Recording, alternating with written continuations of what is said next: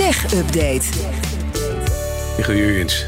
Goedemorgen. Er Bas. moeten spelregels komen voor slimme technologie in het schoollokaal. Ja, dat zegt de Onderwijsraad in een rapport. Onder andere het FD en RTL Nieuws die schrijven daarover vanochtend. Eh, in het onderwijs wordt eh, logischerwijs meer en meer kunstmatige intelligentie gebruikt. Eh, toezicht op afstand als je vanuit huis een tentamen maakt. Oefenprogramma's die zich aanpassen aan het niveau van een leerling. Virtual reality brillen, dat is handig en dat is ook hartstikke leuk natuurlijk om in de klas mee bezig te zijn. Maar pas daar wel mee op, zegt de Onderwijsraad vandaag. Want al die technologie die kan, als je niet oppast, ten koste, gaat, ten koste gaan van het, ja, het contact tussen docenten en leerlingen. Het kan leiden tot ongewenste surveillance of controle. Bijvoorbeeld bij die tentamens, wat ik net zei. En nog een risico volgens de Onderwijsraad is dat scholen te afhankelijk worden van bedrijven die die slimme technologie ontwikkelen en aanbieden. Eh, dus zeggen ze eigenlijk, we moeten het vooral omarmen. Het levert heel veel voordelen op. Maar we moeten ook ervoor oppassen dat ja, die technologie de leraar niet vervangt. Want toch, de leraar die is toch wat belangrijker, veel belangrijker uiteindelijk dan het slimme digitale schoolbord.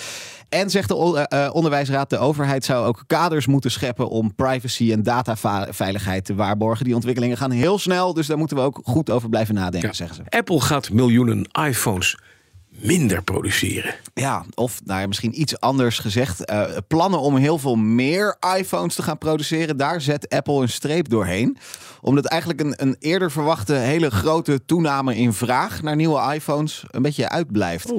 Persbureau Bloomberg heeft bronnen gesproken binnen Apple. Ehm, sinds een paar weken is de iPhone 14 natuurlijk op de markt. Ehm, daar worden er dit najaar, het is nog steeds echt enorme aantallen, daar worden er zo'n 90 miljoen van gemaakt. Alleen al dit najaar. Ehm, maar volgens die bronnen die Bloomberg dus gesproken heeft, lagen er plannen om eh, boven die 90 miljoen nog eens 6 miljoen iPhones extra te gaan produceren.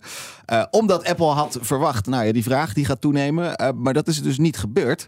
En dus heeft Apple tegen leveranciers gezegd, die 6 miljoen extra, dat is niet meer nodig.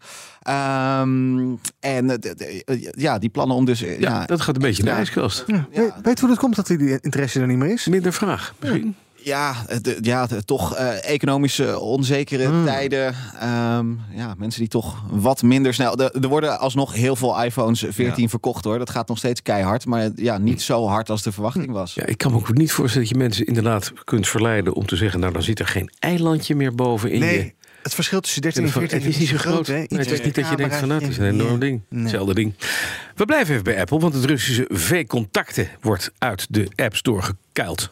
Ja, sterker nog, dat is al gebeurd. Is al gebeurd, oké. Ja, je, je kunt dat ja, een beetje zien als ja, de Russische tegenhanger van, eh, van, van Facebook. Ja. Die app is plotseling niet meer te downloaden in de App Store. En eh, volgens tech-website The Verge is ook het ontwikkelaarsaccount van eh, VK, dat is dan het moederbedrijf hierachter, dat account zou geblokkeerd zijn. Waarom Apple dat heeft gedaan, dat weten we niet. Daar is ook geen verklaring over gegeven en Apple wil daar niks over zeggen. Wel is het zo dat Apple sinds de Russische invasie in Oekraïne al geen producten meer verkoopt in Rusland. Eh, apps van staatsmedia zoals RT en Sputnik, die zijn ook al uit de App Store gehaald. Apple Pay, de betaaldienst van Apple, die werkt nog maar heel beperkt in Rusland.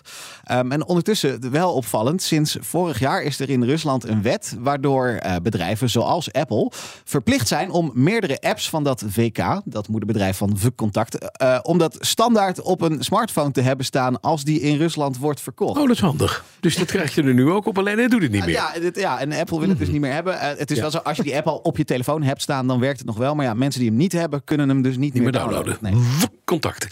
Nou, eh, verwijdert Apple dus apps, maar er komt ook nu een nieuwe app terug. En dat is, ja, dat hadden we wel een beetje kunnen verwachten. Ja, dat heeft hier iets mee te maken.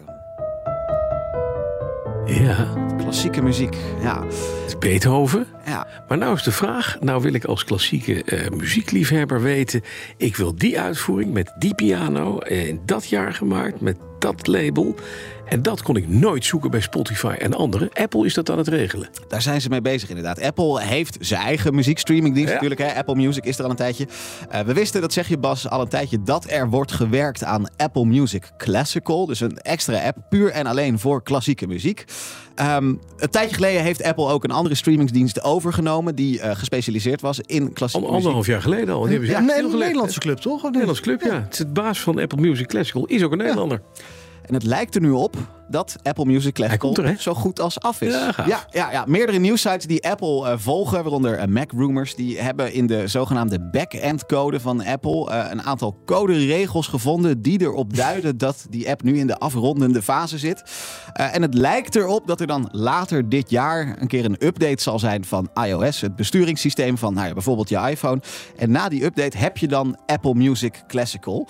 Eh moet er wel bij blijven zeggen, er zijn echt veel meer plekken waar je gewoon online naar klassieke muziek Ja. kunt luisteren. Eh, de Spotify, het staat helemaal vol met Mozart, Beethoven, Chopin, de grote Maar. Maar het jij zegt wat? vinden, Het is dat dus- is de grap. En dat kunnen ze niet.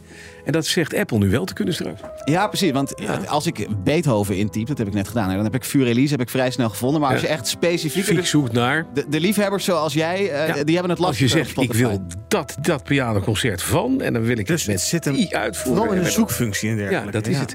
Het zoekalgoritme is, eh, is, is, is veranderd. Dat heeft Apple Music Classical helemaal gemaakt. Ja, ik heb een beetje interne eh, eh, kennis daarover. Ik, ik, ik heb Ik het sprak idee... de grote baas daarvan. Jij hebt, jij hebt er zin in, in Apple Ja, ik Music. vind- ja, absoluut. Het lijkt me hartstikke leuk. Als dat nou eens komt, dan kunnen we. Ja, dan hoef ik niet meer naar Spotify om daar eindeloos mottig te gaan zoeken om het juiste, de juiste uitvoering te vinden. com- commerciële troep.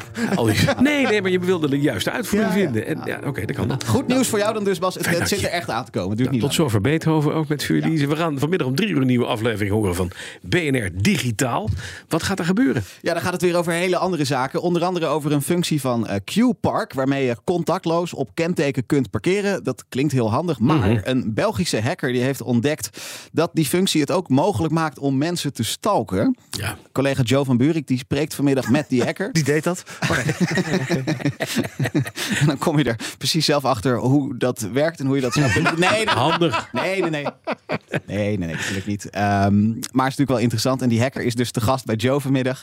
Eh, er zijn steeds meer manieren om energie te gebruiken zonder dat daar een accu voor nodig is. Eh, onze BNR-collega Mark Beekhuis die is daar ingedoken en die komt daarover vertellen. En eh, Firefox, de webbrowser, die bestaat 20 jaar. Wat moet je weten over Firefox? Hoe verhoudt hij zich tegenwoordig tot eh, Google Chrome en Microsoft Edge? Eh, daar kom je allemaal achter vanmiddag vanaf een uur of drie in BNR Digitaal met Joe.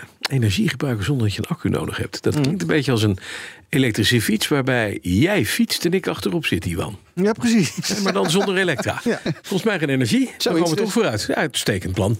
Dankjewel, Michiel Jurjens. De BNR Tech Update wordt mede mogelijk gemaakt door Lenklen. Lenklen. Betrokken expertise, gedreven resultaat. Bij BNR ben je altijd als eerste op de hoogte van het laatste nieuws. Luister dagelijks live via internet. Jelle Maasbach, Wesley Weert. We zijn er voor je met het leukste, opvallendste, maar natuurlijk ook het belangrijkste nieuws. tijdens de presentatie van die halfjaarcijfers toen die beurskoers in elkaar kukkelde. BNR Beurs. Voor de slimme belegger. Blijf scherp en mis niets.